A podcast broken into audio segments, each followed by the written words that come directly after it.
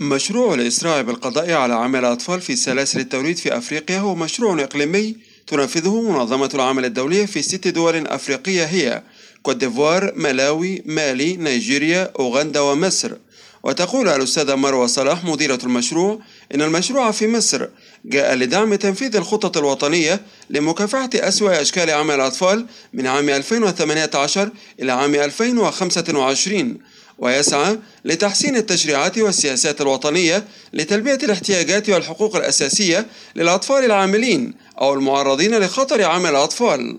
ومضت الأستاذة مروة صلاح قائلة مشروع الإسراع بالقضاء على عمل الأطفال في سلاسل التوريد بأفريقيا. مشروع إقليمي بيركز في مصر على سلاسل توريد القطن آه، لما لها من أهمية استراتيجية سواء على القطاع الزراعي أو القطاع الصناعي.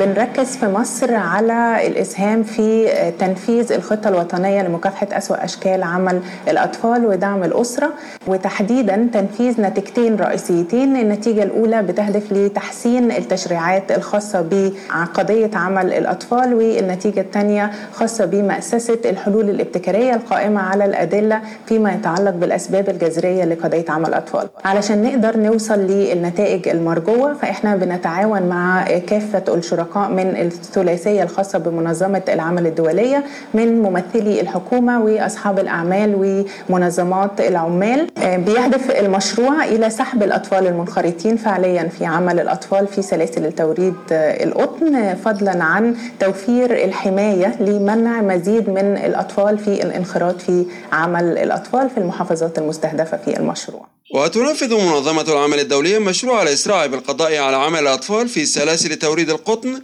بالتعاون مع عدة جهات منها وزارة الزراعة ممثلة في مركز البحوث الزراعية ويقول الدكتور هشام مسعد مدير معهد بحوث القطن بمركز البحوث الزراعية إن اختيار محصول القطن جاء موفقا لأنه يجتذب مئات الآلاف من الأطفال للعمل بداية من الزراعة إلى الحصاد ومضى قائلا في مجموعة من النقاط اللي من خلال التعاون مع منظمة العمل الدولية وضعناها. كان أهم حاجة طبعا إن إحنا نحط خطة تنفيذية لوزارة الزراعة. يتم التنسيق بين كافة التنفيذيين اللي في وزارة الزراعة وبالتالي يبقى في خطوات تنفيذية ثابتة على الأرض. سيتم اتباعها خطوة تلو الاخرى بحيث إن إحنا نوصل إلى نتيجة إيجابية. ويثمن الدكتور حسن أمين الحسيني الباحث بمعهد بحوث القطن أهداف المشروع لتعجيل القضاء على عمل الأطفال في أفريقيا ومصر بوجه خاص للقضاء على عمل الأطفال في سلسلة القيمة الخاصة بمحصول القطن والمنسوجات والملابس الجاهزة. وأضاف لا نستطيع القضاء على هذه الظاهرة.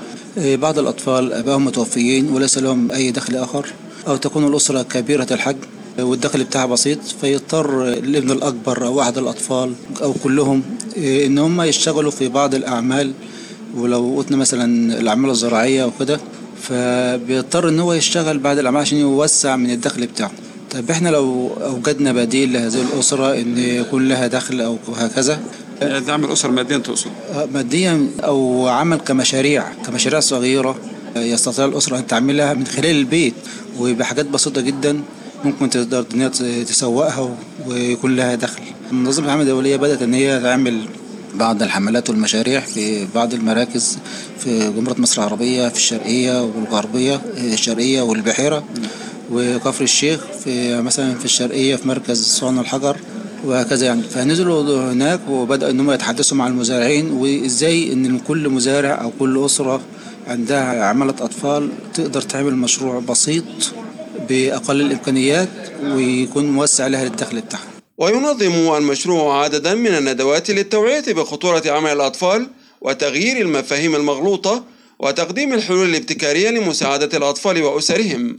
وعلى هامش هذه الندوات تحدث إلينا بعض المستفيدين من المزارعين وأولياء أمور الأطفال. في كتير أطفال بيشتغلوا مع ناس بيحملوا عليهم كتير قوي. يعني الطفل بالنسبة لأي واحد بيشتغل يعني بالبلدي كده بيسخروا. قبل الندوة أنا كنت فاكرة إن الطفل بيشتغل من سن 12 سنة أو 13 سنة. بعد الندوة عرفت إن الطفل ما ينفعش يشتغل أقل من 15 سنة. إحنا عندنا الاطفال كانوا شغاله من سبع سنين وست سنين و10 سنين. لازم يشتغل. دكتور ربيع وحضراتكم قدمت لنا مشروع البنك الجديد الزراعي اللي كان اسمه البنك التنمية والائتمان الزراعي دلوقتي اتغير اسمه بقى بنك زراعي المصري. بيقدم على ما سمعنا النهارده إن في حلول جديدة بتتقدم للمزارعين كمثلا مساهمات يعمل مشاريع والفايدة عليها بيقولوا قليلة 5% ومن خلال مشروع الإسراع بالقضاء على عمل الأطفال في سلاسل التوريد يتم بالشراكة بين منظمة العمل الدولية ووزارة التضامن الاجتماعي يتم تنفيذ عدد من برامج الحماية الاجتماعية ومنها برنامج صرخة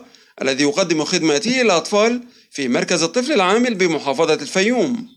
وهناك تحدثنا إلى الأستاذة نجاة محمد الإخصائية الاجتماعية بالمركز.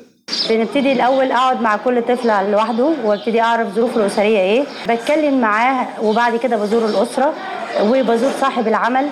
وقدرنا من خلال الشغل بتاعنا إن إحنا نغير كتير في وضع الأسرة. ويهدف البرنامج التدريبي صرخة لرفع وعي الطفل العامل بقضاياه ومشاكله الخاصة من خلال ندوات تثقيفية وإشراكه في الأنشطة التي تناسب هواياته وهذا ما رصدناه في لقائنا بمجموعة من الأطفال بمركز الطفل العامل بمحافظة الفيوم.